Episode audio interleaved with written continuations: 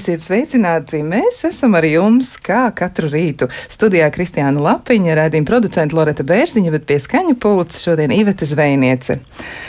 Vai jūs zinājāt, ka mandarīnu valoda ir viena no visgrūtākajām valodām pasaulē, un izrādās, ka mandarīnu valoda pieder pie ķīniešu valodas grupas, un tā ir tiešām, nu, kā ir atzīts, faktiski visvairāk runātākā valoda pasaulē, un vienlaiks arī grūta, un tajā runā aptuveni 873 miljoni cilvēku. Un, jā, patiesi, protams, mēs vairāk šos runājošos cilvēkus atradīsim Ziemeļķīnā, un Dienvidrietumu Ķīnā, bet pateicoties tam, ka tā ir tā saucamā tonālā valoda, katrai mandarīnu valodas fonētiskās transkripcijas sistēmas kaut kādai skaņai, kura ir minēta visos avotos, kuras mēģināju skatīties, bet es neuzdrošinos šo skaņu apdarināt, izrādās ir četras atšķirīgas izrunas, un tas noteikti nav vienīgais, kas raksturo šo valodu. Valodas reizēm mēdz būt grūtas, un mēs šodien mēģināsim runāt par to, kā apgūt valodu, kā izmantot dažādu veidu rīkus valodas apgūšanai, tulkošanai un arī par daudzām citām lietām, kas ar to ir saistīts, un tāpēc arī esam aicinājuši studijā nu, kā lai saka, tulkošanas biroja skrivanek vadītājs, pareizi saku. Jā. Jā, viss kārtībā. Tātad pie mums ir Vasilijs Regacevičs. Starp citu, par uzvārdu runājot, izklausās ļoti poliski. Vai jūs zinat arī poļu valodu? Uh, labrīt! Uh, jā, es nedaudz protu poļu valodu, un mans uzvārds patiesi ir nācis no polijas. Nu, jā, tā ir poļu saknes. Poļu saknes, tā tad eh, valoda kopā ar cilvēkiem pārvietojas arī no viena reģiona uz otru, un mums ir vēl, mums ir vēl kāds viesis, un proti mm, tā ir Latvijas tulku un tulkotāju biedrības pārstāve Latvijas Universitātes profesionālās maģistra studijas programmas rakstiskā tulkošana lektore Helēna Gizeleza. Sveicināta! Labrīt! Un arī jūsu uzvārds izklausās visnotaļ neparasts. Varbūt jums ir kas sakāms par to, no kurienes tad nāk eh, tik neparasts uzvārds un kas ir tā izcelsme? Uh, jā, tas ir uh, turku uzvārds, un oriģinālā tas skan pavisam savādāk. Uh, turku valoda tas ir giželēs, bet tas tika latviskots, un pusi būtu faktiski tika pārveidoti. Un paši turki, piemēram, nevar atzīt, ka tas ir turku uzvārds šobrīd Gitelēzā. Viņi saka, ka tas izklausās pēc meksikāņu uzvārda. Cik interesanti, un arī par to droši vien ir vērts parunāt, jo mm, nu, cilvēki, kuri runā spāniski, arī, un Meksikā laikam taču runā spāniski un runā vēl arī citās valodās, un arī par to droši vien mēs varam parunāt šodien. Bet, um, Sāksim ar pirmo jautājumu. Pirmo jautājumu es gribētu uzdot Vasilijam Regacevičam. Nu, kā tad ir? Valodas ir daudzas un dažādas, un patiesi pasaulē ļoti daudz valodu. Vai vispār ir zināms aptuvenais skaitlis, cik tad valodas pastāv? Valodu nu dienu ir ļoti daudz, un tie ir vairāk tūkstoši aktīvi lietotu dzīvu valodu. Protams, mums jāatceras, ka ir diezgan bēdīga statistika. Mēs katru dienu zaudējam kādu, kādu valodu, bet uh, tam dēļ mēs valodnieki ceļam trauksmes zvanus un runājam par to, ka katra valoda ir jāsargā un šis kultūra mantojums ir jāsaglabā. Un Bet tā, ka tiešām precīzi cipari es nenosaukšu, varbūt Helēna var, var man uh, līdzēt, bet jā, valoda ir ļoti daudz. Tā tad ļoti daudz, un nu, skaidrs, tas ir saziņas līdzeklis, bet kas tad ir, nu, piemēram, tās pieprasītākās valodas, kurās runā cilvēki, un kas ir tas, ko jūs esat novērojuši savā praksē, jo ir noteikti arī tādas valodas, ko izmanto vairāk, bet tāpat laikā droši vien jau ir tā, ka tā mazā valoda, kura nu, teju, teju varētu arī pazust, arī tā būtu jāzina kādam, un arī tāda situācija var rasties. Bet kādas tad ir tās biežāk izmantotās valodas, ko jūs novērojat? Pat Pati populārākā, protams, ir angļu valoda. Ja? Tas ir, tā ir zinātnes valoda, tā ir biznesa valoda, tā, ir, tā tiek lietota tiešām ļoti plaši. Es neredzu, ka angļu valoda kaut kādā veidā zaudētu savas pozīcijas šobrīd. Ja? Um, tas, kas mainās, teiksim, Latvijā, zūd krievu valodas uh, ietekme vai popularitāte. Tā vietā mēs komunicējam vairāk varbūt vācu valodā, mēs, mūs, mēs interesējamies par citām uh, Eiropas Savienības valodām. Protams, tas ir arī saistīts ar darba iespējām, ar, ar, ar, ar izglītības iespējām. Ja Vācijā arī skandināvu valodas ir kaimiņu valodas ļoti populāras. Tā kā šī situācija e, mainās. bet angļu valoda viennozīmīgi ir līdere. Es pat nevaru pateikt, vai tas ir slikti vai tas ir labi, bet jebkurā gadījumā tas ļauj mums piekļūt ātri, ļoti plašai informācijai. Tas ļauj mums faktiski sazināties ar jebkuru cilvēku no jebkuras pasaules maliņas. Un tas ir, manuprāt, ļoti interesanti un tas ir ļoti svētīgi. No vienas puses, jā, bet no otras puses šķiet, ka tie cilvēki, kuriem ir mātes valoda, angļu valoda, un angļu valoda arī ir ļoti interesanti. Varbūt jā. jūs varat mazliet vairāk raksturot angļu valodas izcelsmu un attīstību, bet patiesi, nu, liekas, ka viņi ir šajā, šajā ziņā tādi ieguvēji, jo viņiem nav daudz jāpiepūlās. Viņi jau prot valodu no dzimšanas gandrīz, nu, kurā sazinās milzīga daļa pasaules iedzīvotāju. Tieši tā.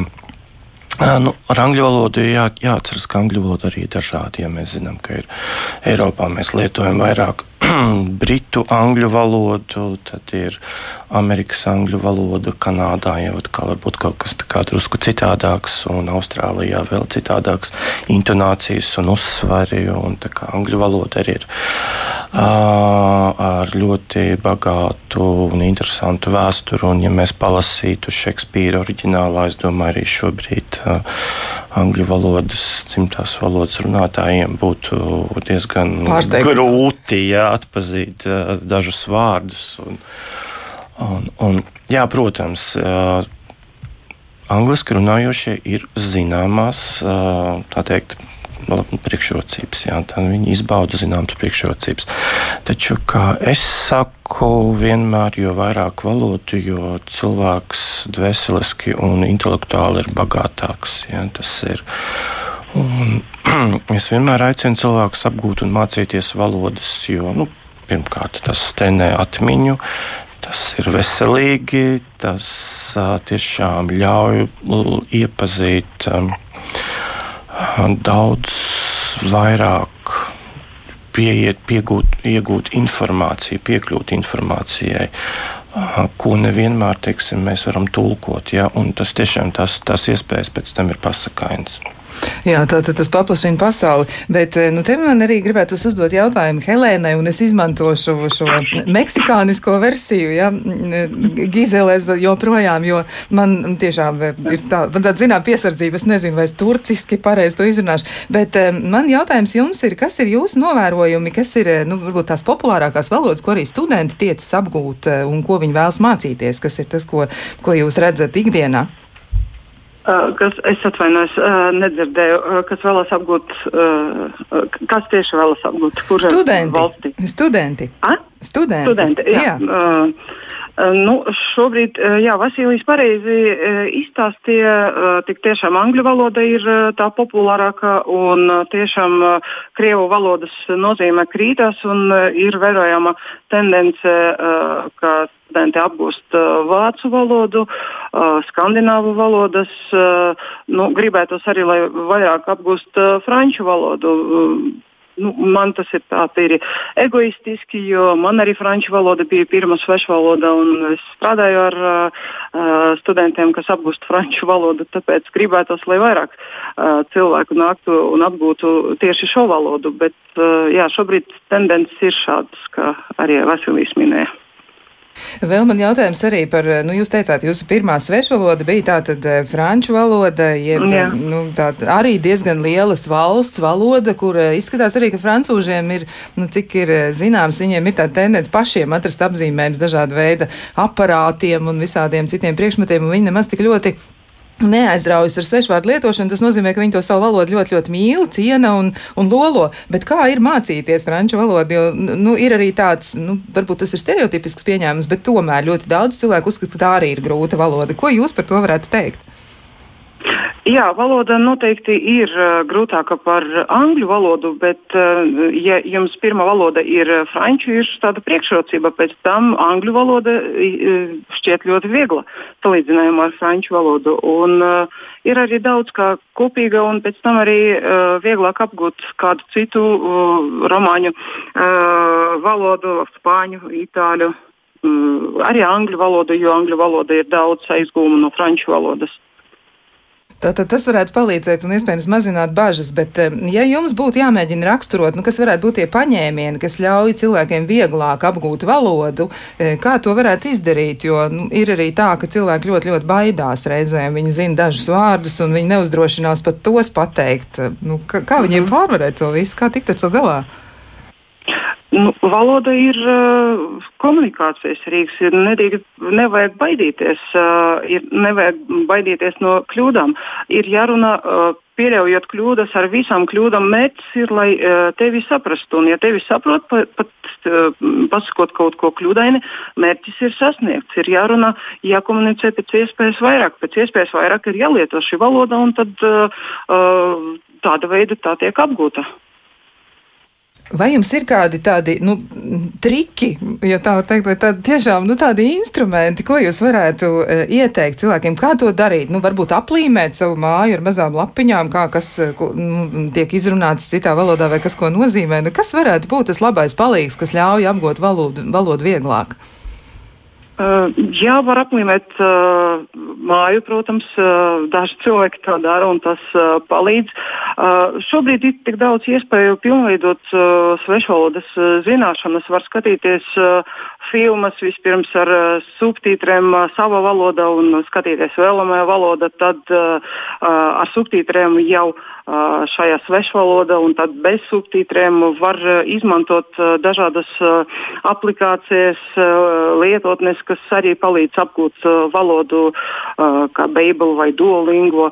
Tas, protams, nav tas, kas palīdzēs iemācīties valodu, ja tas ir viss, ko jūs darat, bet kā papildrīgs tas ir ļoti noderīgi. Un, protams, ir kāda veida komunikācija pie katras iespējas mēģināt rakstīt un runāt šajā valodā. Tātad noteikti tas arī ir jādara, bet eh, jūs nodarbojaties ar to, ka jūs mēģināt studentiem iedot zināšanas par rakstisko tulkošanu, un joprojām mēs rakstiskās tulkošanas pakalpojumus izmantojam, un eh, joprojām ir tā, ka lāga nevar uzticēties, nu, tā teikt, virtuālajiem tulkotājiem, ja, jo tur ir ļoti daudz dažādu neprecizitāšu un kļūdu. Eh, kā ir ar šiem rīkiem, vai tie turpina attīstīties, un vai arī tie var palīdzēt, nu, varbūt noformēt kādu dokumentu vai atbildēt uz kādu vēstuli, kā tad ir ar to, vai jūs tam uzticaties, vai tomēr jūs teikt, ka labāk ir dzīvais cilvēks, kurš pārvalda valodu visās niansēs? Nu, man kā tulkotājai, protams, e, labāk, e, ja ir kāds profesionālis, kas palīdz man saprast jēgu. Es ļoti labi atceros gadījumu, kad man vajadzēja izlasīt vēstuli vācu valodu, ko es nepārvaldu, un es mēģināju izmantot Google tulkotāja, tulkotāja un uh, izlasīju šo vēstuli. Tad katram gadījumam parjautāju draudzeni, kas uh, vācu valodu zina. Izrādījās, ka tur bija par 100% pretēji uzrakstīts. Uh, kopš tā laika mana uz, attīstība, protams, mazinājās. Ja es uh, pati šo valodu saprotu, es, protams, reizēm uh, varu paskatīties kādu vārdu vai izteicienu, bet tā kā, lai tulkotu tekstu kopumā, nu, uh, jābūt piesardzīgam, es tā teiktu. Profesionālajā uh, jomā, protams, mēs uh, uh, izmantojam šos rīkus ar piesardzību, uh, bet izmantojam. Un, protams, uh, ka tie turpina attīstīties katru dienu. Un, uh, ja mēs mēs runājam par uh, profesionālo jomu, es domāju, ka uh, arī tulkošana uh, to pielietos ar vien vairāk. Un jau šobrīd ir daudz tādu projektu, kas ir saistīti ar mašīnu tulkotāju snieguma rediģēšanu. Jā, bet tomēr tā tad jābūt piesardzīgam. Ja mēs atbildām kādā valodā, kuru mēs nepārvaldām, tad varbūt ir vērts tiešām apjautāties cilvēkam, kurš valodu pārvalda. Jo var sanākt, kā jūs minējāt, pilnīgi cits saturs, ja viss uz otru pusi, un mēs kaut ko nesaprotam. Bet eh, es gribētu uzdot jautājumu atkal Vasilijam Ragacevičam. Jums noteikti ir arī pieredze par to, eh, nu, ko tad valoda attīst? Jo viena lieta, jā, mēs zinām, ka valoda ir saziņas rīks, un mēs eh, sazināmies, un patiesi cilvēkiem savā starpā ir kaut kā jāmēģina saprast vienam otru un savā starpā sazināties, bet ko tad valoda attīst? Jūs teicāt, ka valoda daudz ko dod cilvēkam, valodas mācīšanās. Nu, kas ir tas, ko mēs iegūstam mācoties valodu? Tas, ko mēs iegūstam, mēs trenējam atmiņu. Uh, valodu studijas vai mācības, teiksim, senioriem palīdz no, novērst uh, demenci. Uh, mēs bagātinām sevi kultūrāli, tas ir cilvēks paplašina savu redzesloku. Mēs varam ceļot doties, apmeklēt varbūt sen gribētas vietas, izgaršot dažādus ēdienus, klausīties mūziku, skatīties kino. Ja?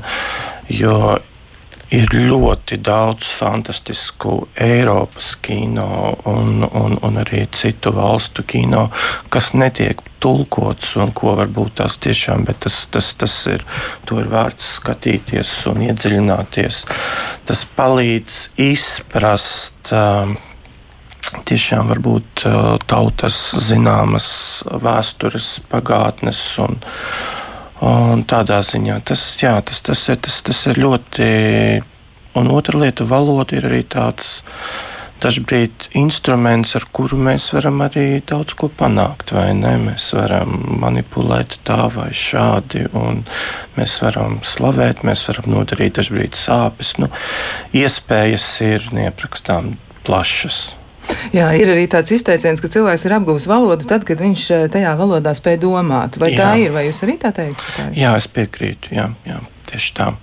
Uh, tas ir tāds, nezinu, tāds zemapziņas process, kas notiek, jā, un tad ir tiešām cilvēks pilnīgi jūt šo valodu, un, un ir noticis tas, tas klikšķis nemanāmais, kā mēs sakām, uh, ka cilvēks pilnībā viņam ir šī valodas izjūta, jā, jo tā ir ļoti svarīga valodas izjūta, tā palīdz teiksim, izteikties, tā palīdz teiksim, būt tēlainam un, un ir ļoti svarīga. Jā, vēl arī jautājums par to, vai, piemēram, nu, ja tas ir juridisks teksts, jā, tad eh, noteikti arī kādā konkrētā valodā ir specifiski apzīmējumi tam, kas notiek, vai kādā veidā tas tiek tulkots. Eh, vai tas arī ir tā, ka, nu, pieņemsim, tulks specializējās uz kaut kādām noteiktām jomām - medicīna, jurisprudence vai kas tam līdzīgs? Jā, jā tulki, tulki specializēs, un uh, es vienmēr jaunos speciālistus arī mudinu to darīt, jo uh, ir vērts investēt nedaudz sava laika, lai izprastu kādas konkrētas nozares specifiku, ja? piemēram, jurisprudence, lai vismaz mēs saprastu, ar ko atšķiras civila procesa no krimināla procesa. Ja? Uh, kas, kas ir galvenie lietu veidi vai lietu kategorijas, kas tiek varbūt tās skatītas, un uh, mēs uzreiz mēģinam apskatīt, kāda ir šī biežāk lietotā terminoloģija. Uh, līdzīgi ir arī medicīnā, ja, un tur jau vēl vairāk apakšnozares, kurās specializēties. Uh, ļoti lietišķāk saziņa, komunikācija, juridiskie teksti ir diezgan tipveida dokumenti, ļoti daudz tipveida dokumentu. Līdz ar to nu, tur ir arī vērts kā, veidot tādu zināmu datu bāzi, paraugu datu bāzi un, un, un, un mēģināt arī kaut kādā veidā sistematizēt, ko kā būtu vēlams tulkot kā, kā, kādas teiksim, ir līdzīgas institūcijas citās valstīs, ja mēs teiksim, tulkojam no latviešu valodas, angļu valodā, vai, vai vācu valodā, vai franču valodā. Ja, un, un tādā ziņā. Bet specializācija ir, es teiktu, obligāta obligāti. Jā, tā tad tomēr eh, tas ir eh, jāņem vērā, un arī nu, pašam nu, pakalpojumu saņēmējam noteikti arī tas ir būtiski, jo viņš var uzticēties, ka tūks tiešām iztulkos atbilstoši eh, profesionālajai specifikai.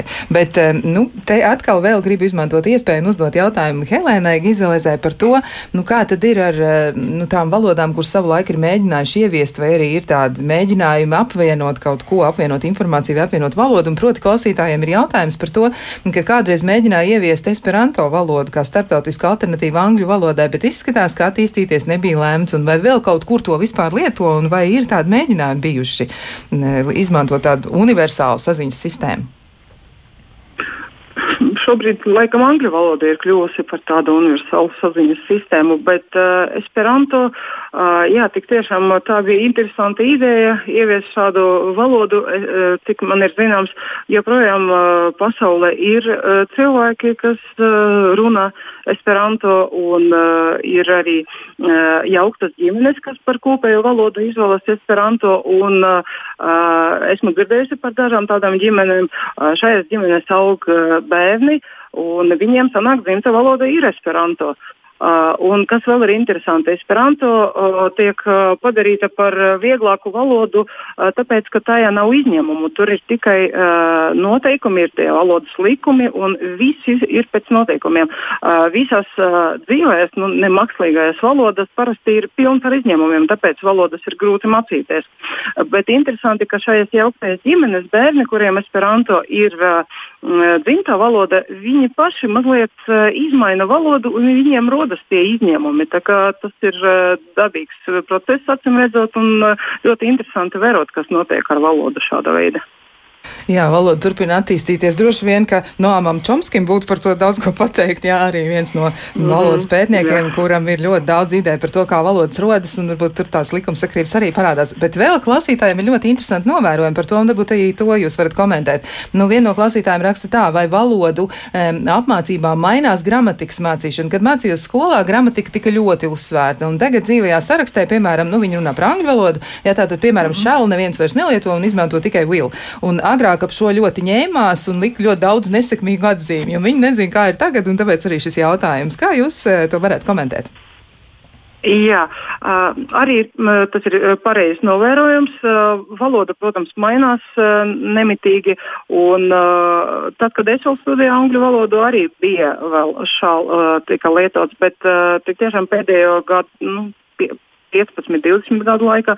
Mēs lietojam tikai vielu, ja atbildot konkrēti uz uh, šo jautājumu. Uh, un uh, kopumā runājot par valodas apguvi, jā, agrāk tika likts uzsvars uz gramatiku, šobrīd ir vairāk komunikatīva pieeja, un manuprāt, šajā komunikatīvajā pieeja trūkst šī gramatikas elementa. Gribētos varbūt mazliet vairāk gramatikas, bet, nu, to var, protams, apgūt papildus. Jā, klausītājiem arī par to ir ko teikt, jo viena no klausītājiem mm. raksta tā, ka, manuprāt, mūsdienu valodu mācīšanas metodas kursos nav tik efektīvas, kā mums agrāk mācīja skolās pēc tā saucamajām klasiskajām mācīšanas metodēm, un grāmatas ir nevis uz dzīvi, bet uz biznesa orientētas, un šobrīd uzsvers ir uz ātru tempu, lielu informācijas apjomu, lai skolotājs pagūtu izskriet cauri attiecīgā kursa megaprogrammai, un tas nepalīdz nostiprināt iegūtās zināšanas, rada stresu un virspusē zināšanu apguvu. Varbūt arī par šo jums ir komentārs, jo jūs tomēr ļoti daudz studiju studentiem sadarbojaties, un arī jums mm -hmm. ir mhm. novērojumi par to, kā viņi mācās vai papildina valodu. Jā, es piekritīšu šim klausītāja viedoklim.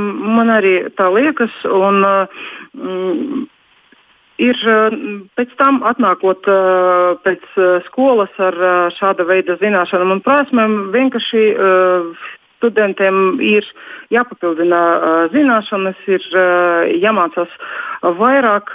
Nu, grūti spriest, vai šis valodu apguves process bija orientēts uz biznesu, jo, kad studenti nonāk līdz mums, mums ir maģistrantūra un viņi jau ir daudz ko apguvuši bakalaura studiju līmenī. Bet mēs dodam arī papildu zināšanas un mudinam mācīties ko vairāk par specifiskajām tulkojumiem tulkošanas eh, jomām. Nezinu, vai es atbildēju uz jautājumu.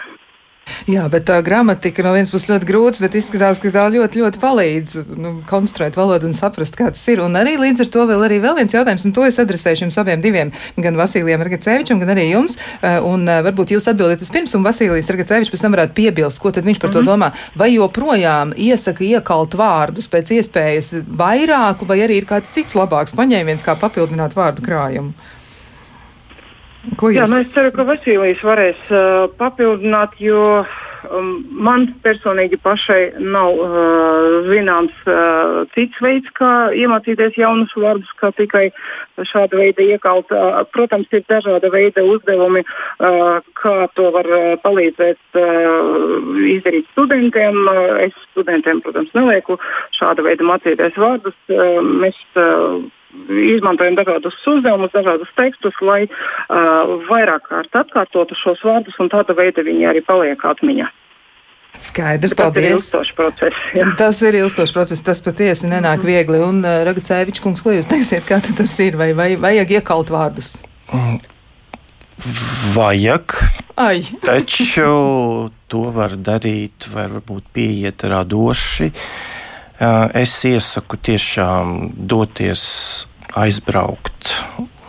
Teiksim, runāsim par poļu valodu. Aizbraukt uz Poliju, doties uz veikalu, mēģināt iepirkties, rādīt un izrunāt konkrētās lietas pārdevējam, kaut ko pārprasīt. Ā, Šādas stresa situācijas piespiež mūs tiešām ļoti labi atcerēties. Ā, Tā ir viena lieta. Mm, Protams, atkarīgs no kāds zināšanu līmenis mums ir. Ja mēs esam iesācēji, necenšamies sākt ar ziņu kanālu skatīšanos. Sākam ar multfilmām, raidījumiem bērniem, jo arī valoda ir vienkārša, ļoti skaidri, pareizi izrunāta, kas ir no svara. Ja, jo, teiksim, nav, nav noslēpums, ka ir dažādi akcenti, dialekti un, un, un sākam atkarībā no tā, kāds mums ir līmenis. Bet ceļošana viennozīmīgi palīdz. Tā tad ka liekam mugursomā to, ko vajag, iespējams, paņemam līdzi vārnīcu un dodamies ceļā. Jā, bet eh, valodas apgūšanā tur noteikti ir vēl daudz gan zemūdens akmeņi, gan arī dažādi paņēmieni, kā tos pārvarēt. Bet par to mēs eh, runāsim vēl pēc kāda brīža, bet es vēl pirms tam gribu atvadīties no Latvijas tulku un tulkotāju biedrības pārstāvs Latvijas Universitātes profesionālās maģistra studijas programmas rakstiskā tulkošana lektors Helēnas Gīzelēzes, kura zina vairākas valodas un zina arī paņēmienus, kā to mācīties. Un, ja nu gadījumā jums ir plāns kļūt par profesionālu tulku, tad jūs zinat, uz kurien jums ir jādodas. Bet mēs turpināsim savu sarunu par valodu un valodu apgūšanu vēl pēc īsa brīža. Kā labāk dzīvot? Turpinām sarunu par to, kā mācīties valodu, kā izmantot valodu un kā dzīvot valodā un kā labāk to darīt. Un eh, tāpēc arī mūsu studijā eh, šodien ir tulkošanas biroja skrivanek vadītājs Vasilijs Ragacevičs, un vēl mēs esam sazvanījušies arī ar Ventspils augstskolas lektoru un pētnieci Aigu Veckalnu. Sveicināti! Labrīt! Nu, gribētos uzdot uzreiz arī jautājumu Aigai Veckalnē, cik tad valodas jūs zināt, jo jūs noteikti esat ienirusi valodu pasaulē tieši tāpat kā ļoti daudz citi e, cilvēki, kas dzīvo Latvijā, un starp citu mēs vēl te mazliet tā teikt aizkadrā runājām par to, ka e, ļoti daudz Latvijas iedzīvotāji pārvalda vairākas valodas. Viņi nezina tikai vienu, bet vismaz divas vai pat trīs un vēl vairāk, un dažreiz sanāk tā, ka tie citi cilvēki no citām pasaules valstīm ir greizsirdīgi uz mums, ka mēs tiešām esam tik ļoti, ļoti, nu, spējīgi sazināties. Kā tas ir ar jums? un Kā, kā, kādas ir jūsu attiecības ar valodu? Jā, un viņiem ir pamats būt greizsirdīgiem, jo Latvijas iedzīvotājiem tiešām ir brīnišķīga iespēja apgūt valodas. Uh, mana dzīve ir ļoti saistīta ar valodām. Protams, pamatā tā ir latviešu valoda, jo esmu latviešu, latviešu valodniece, bet uh, mana otra sirds valoda noteikti ir čehu valoda, ko apgūju jau pirms 20 gadiem un kas man visu mūžu ir bijusi tāda ļoti ļoti tuvu un vienmēr bijusi klāt manām darba un, un dzīves gaitām. Protams, zinu arī angļu valodu, nu, bez tādu teikt, grūti iztikt, kā jau Vasilijs teica, gan izglītībā, gan biznesā. Tāpat arī ļoti labi zinu krievu valodu, tajā brīvi runāju jau kopš bērnības.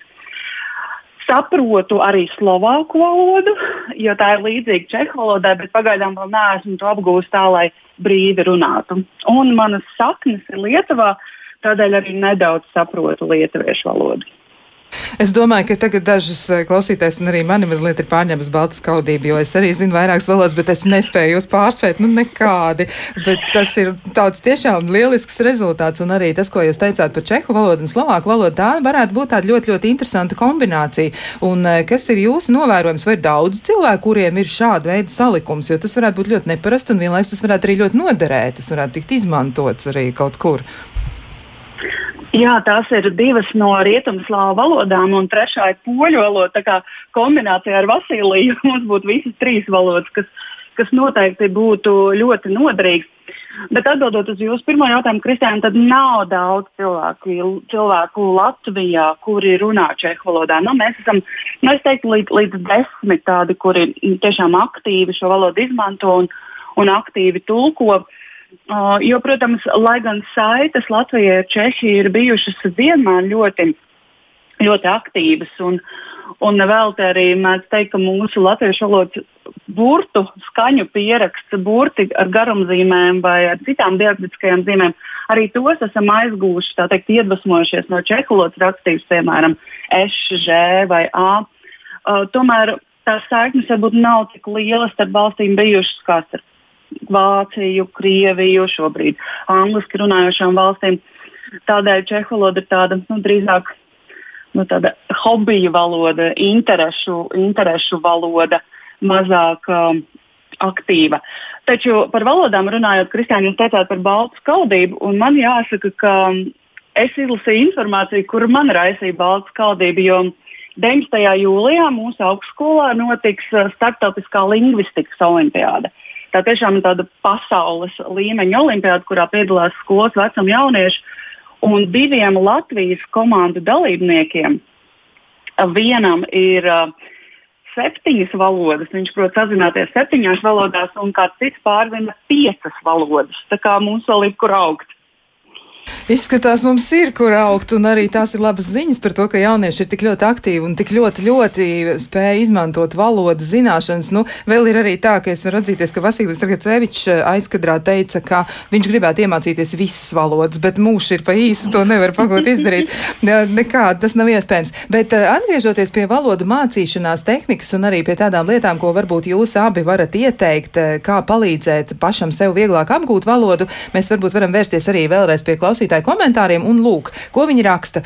Nu, vismaz vienam no klausītājiem ir arī, eh, ja vienai no klausītājām ir arī starp citu labs padoms, eh, kā mēģināt apgūt valodu un varbūt arī tas varētu noderēt kādam citam. Un tas, ko viņi saka, Viņa grib dalīties ar angļu valodas vārdiņu kalšanas pieredzi, un viņa metode ir noskatījusi savukārt no draudzenes vīra, kurš nemitīgi pilnveidoja savas valodas zināšanas. Un kāda ir metode? Metode tātad ir tāda, ka sagriež mazus kartona gabaliņus, vienā pusē uzraksta angļu vārdu, jā, vārdiņus un izrunu, un otrā pusē latvisko tulkojumu sabar kabatās, un eh, jebkurā mīļā brīdī var pārlikt no vienas kabatas citā, un tad uh, mācās. Jā, tātad vismaz divas kabatas ir vajadzīgas, un tad var diezgan viegli mācīties, un varbūt arī nodara. Ies iespējams, ka kādam patiesi tas varētu ļoti, ļoti palīdzēt. Bet uh, vēl ir arī tāds jautājums uh, no vienas klausītājas, un viņi raksta šādi. Man ir ļoti grūti apgūt angļu valodu. Esmu beigusi daudzus kursus un individuālās nodarbības, bet nekā. Pārvaldu latviešu, krievu, un viņi raksta arī, ka viņi krievu valodu pat ļoti labi izjūt, mazliet vācu valodu, bet uz angļu valodu, nu, tā saka, viņi ir paklupusi. Un es nedzirdu lielu daļu angļu vārdu, pat nespēju tos atkārtot. Varu izlasīt un saprast, bet runāt nevaru. Un es nekaunos kļūdīties, bet es nesaprotu e, uz dzirdi, jā, ja tā teikt, ir dzirdot lielu daļu vārdu un nespēju tos atkārtot. Varbūt ir e, vainīgs tas, ka nav muzikālās dzirdes. Kas tur var? Varētu būt par problēmu. Varbūt eh, šoreiz varētu Vasilijas Ragacevičs komentēt, un varbūt arī pēc tam Aigai Veckalnai ir kas piebilstams par šādu situāciju. Tur varētu būt vairākas problēmas. Ja mēs runājam par angļu valodu, nav noslēpums, ka valodā ir tāda lieta kā valodas līdzekļu ekonomija. Tas nozīmē, ka cilvēks pēc savas dabas ir gana slings. Un kāpēc man tur censties izrunāt kaut ko pareizi, ja es varu kaut ko noīsināt?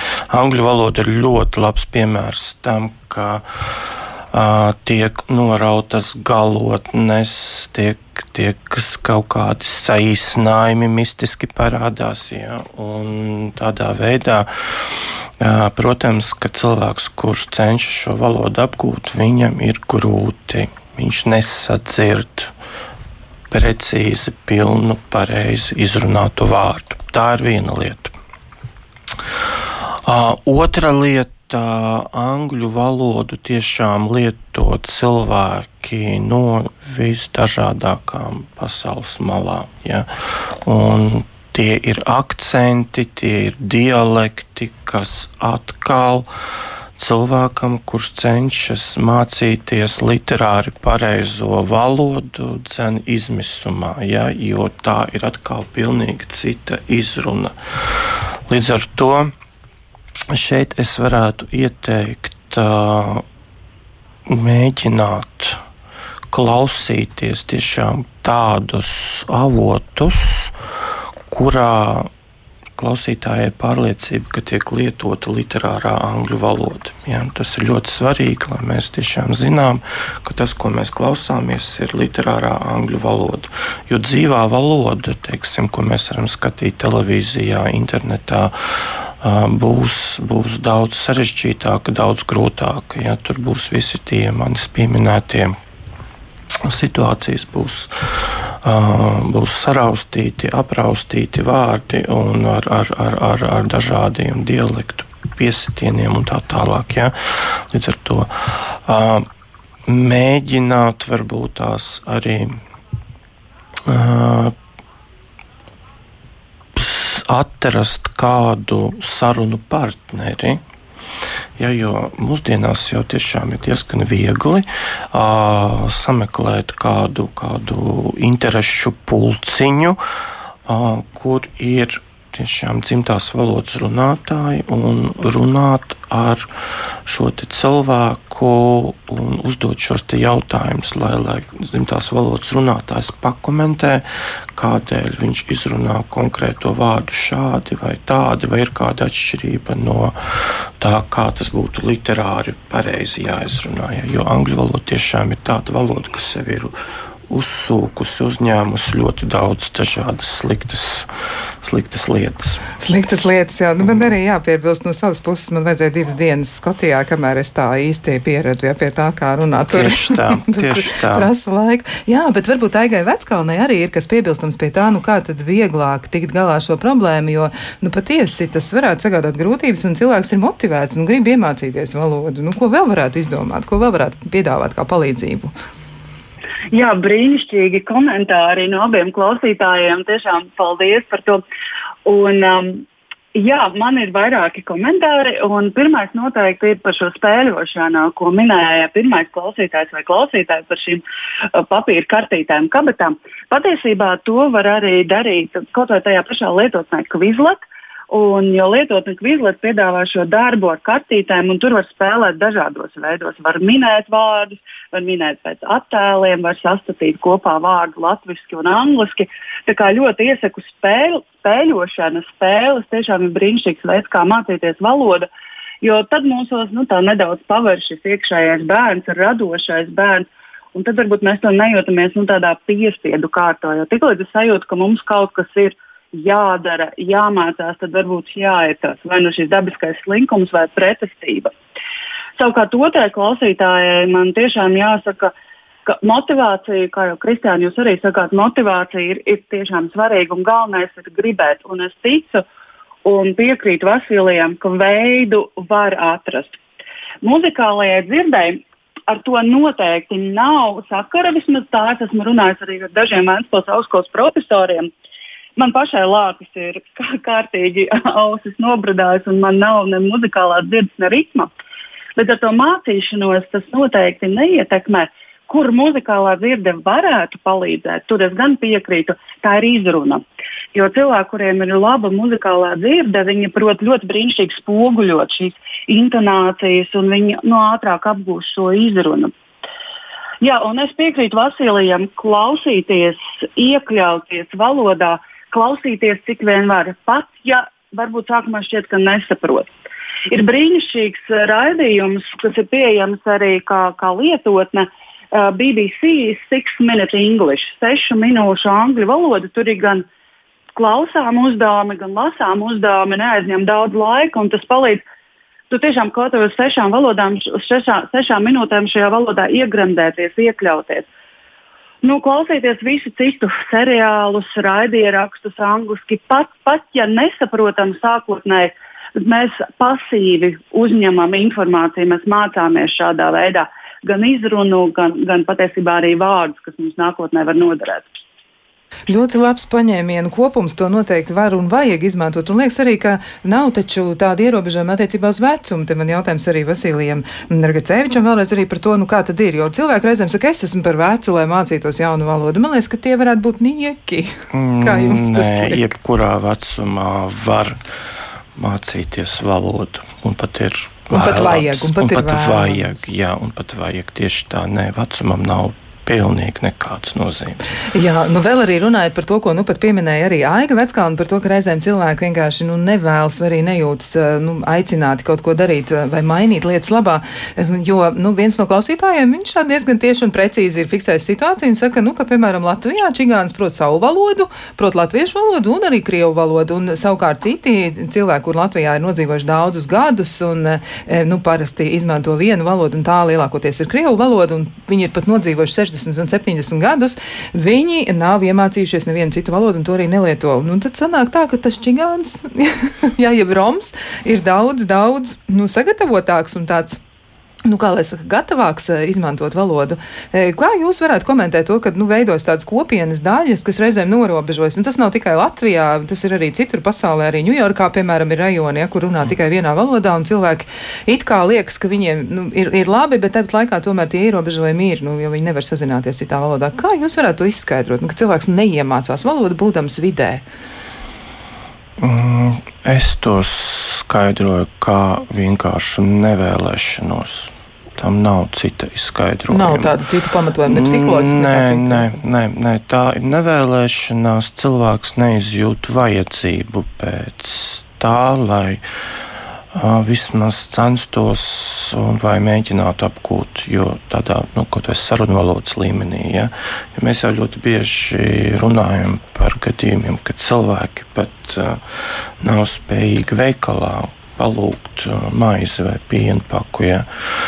Un tā ir vienkārši nevēlēšanās. Cilvēks nav atradis sevī motivāciju, vai cilvēks nav atradis sevī mm, pietiekami, pietiekamu nezinu, vēlmi uh, apgūt valodu. Jā.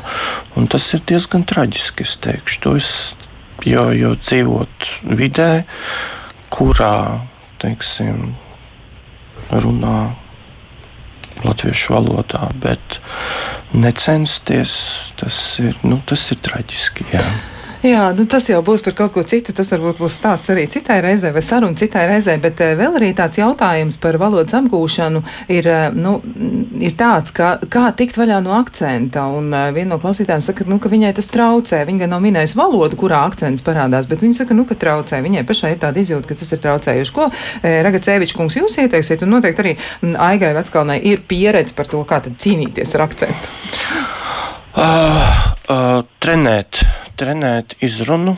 Uh, ir, kā jau mēs šodien minējām, ar, ar Helēnu minēju, manuprāt, ir vairākas arī aplikācijas, kurās tu dzirdi, un pēc tam censties atkārtot, atkārtot, atkārtot, līdz tu esi apmierināts ar savu rezultātu. Vai tā atkārtošana jā. laikam ir zināšana māte? Jā, atkārtošana, at, atkārtošana ir zināšana māte tieši tā. Uh, Jā, jā un, e, un Aiga Veckalni, ko, ko jūs varētu piebilst par to, nu, kā tad tikt vaļā no akcenta, kā mēģināt atbrīvoties? Jā, man e, par akcentu runājot, e, par to es bieži arī runāju saistībā ar latviešu valodu, bet parunāsim par saistībā ar angļu valodu.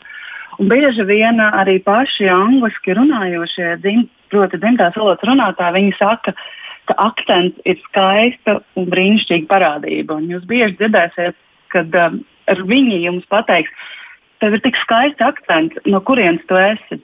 Un te, manuprāt, ir ļoti jāšķir akcents un izruna.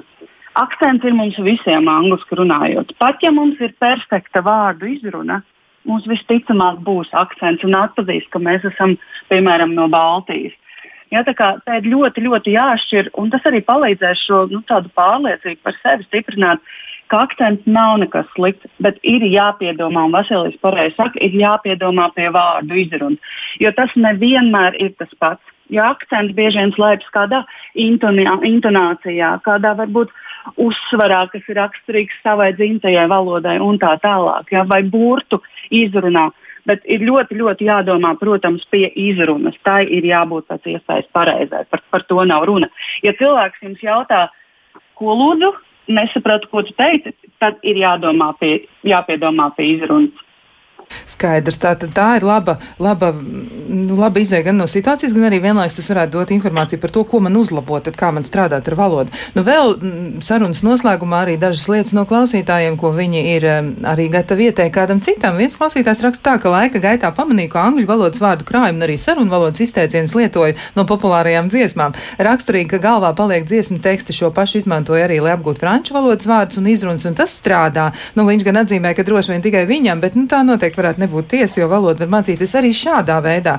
Un pašā, pašā noslēgumā, nu, vēl ir kādi klausītāji, kur uzdod jautājumu, vai ir kādas internetu pārlūku programmas, jeb kādi rīki, kur tiešām ir labi, lai sāktu mācīties valodu, piemēram, angļu vai krievu valodu. Varbūt jums ir kādi ieteikumi. E, varbūt Aiga Veckalna varētu komentēt pāris vārdus, vai tas ir iespējams izmantot arī šādu rīku, varbūt jums ir kaut kas padomā. Nu, noteikti, nu, kaut vai tas pats Duolingo, ko Helēna jau pieminēja. Jo es domāju, ka nu, tādām tā dēvētām lielo kopienu valodām tā ir brīnišķīga lietotne un to var apgūt arī um, internetu pārlūkam. Vasilijam noteikti arī kāds ieteikums. Nu, tad Vasilijs eh, varētu varbūt noslēgt sarunu un eh, tad pateikt, nu, kur tad meklēt un, un ko tad ievērot pašu galveno? Pašu galveno, jā, rezumē tā teikt. Uh, iespējams ir, ir šobrīd ir ļoti daudz lietotņu. Ja, ja mēs uh, paņemtu savu, savu, paņemam savu viedierīci uh, un, un, un, un mēģi, turiet, mēs atradīsim ļoti daudz un plašu klāstu. Uh, grūti ir izcelt kādu no, ja, vai Duolingo ir labāks vai kāda cita. Tas ir atkarīgs Tas ir galvenais, ir sākt. Ja? Un tad jūs uh, redzēsiet, vai, vai, vai tas jums der, neder, patīk, nepatīk. Uh, Ir, es zinu, ir, ir citi, kas ir atraduši lietotnes, kurā spēļu veidā ja, var apgūt dažādus vārdiņus, un tur ir padomāts, kā, kā, kā tur paslavēt, kā motivēt, tur atgādināt, ka tu šodien esi paslinkojis. Tas ir viens, viens no tādiem populāriem veidiem. Uh, Var dziedāt, jā, var dziedāt, skatīties mīļākos video klipus. Arī tas ir veids, kā, kā sakot līdzi, uzlikt karaoke un, un, un, un, un arī. Ja. Nu, izskatās tāds kopsavilkums, laikam, ir darīšana. Darīšana. Galvenais, darīšana. galvenais ir nebaidīties. Mēs šodien vairākas reizes esam minējuši, ka valoda ir jālieto arī nepareizi. Uh, bailes, diemžēl, ir jāpārvar, ja, jo, jo, jo valodas galvenā funkcija ir komunikatīvā funkcija. Tātad mums ir jāiet, mums ir jārunā, mums ir jāmēģina. Un es domāju, ka jātiek vaļā no tās, tās, tās traumas, ja skolā nē, tad viss ir nepareizi. Ja. Uh, ir, ir, nevajag baidīties, valoda ir jālieto.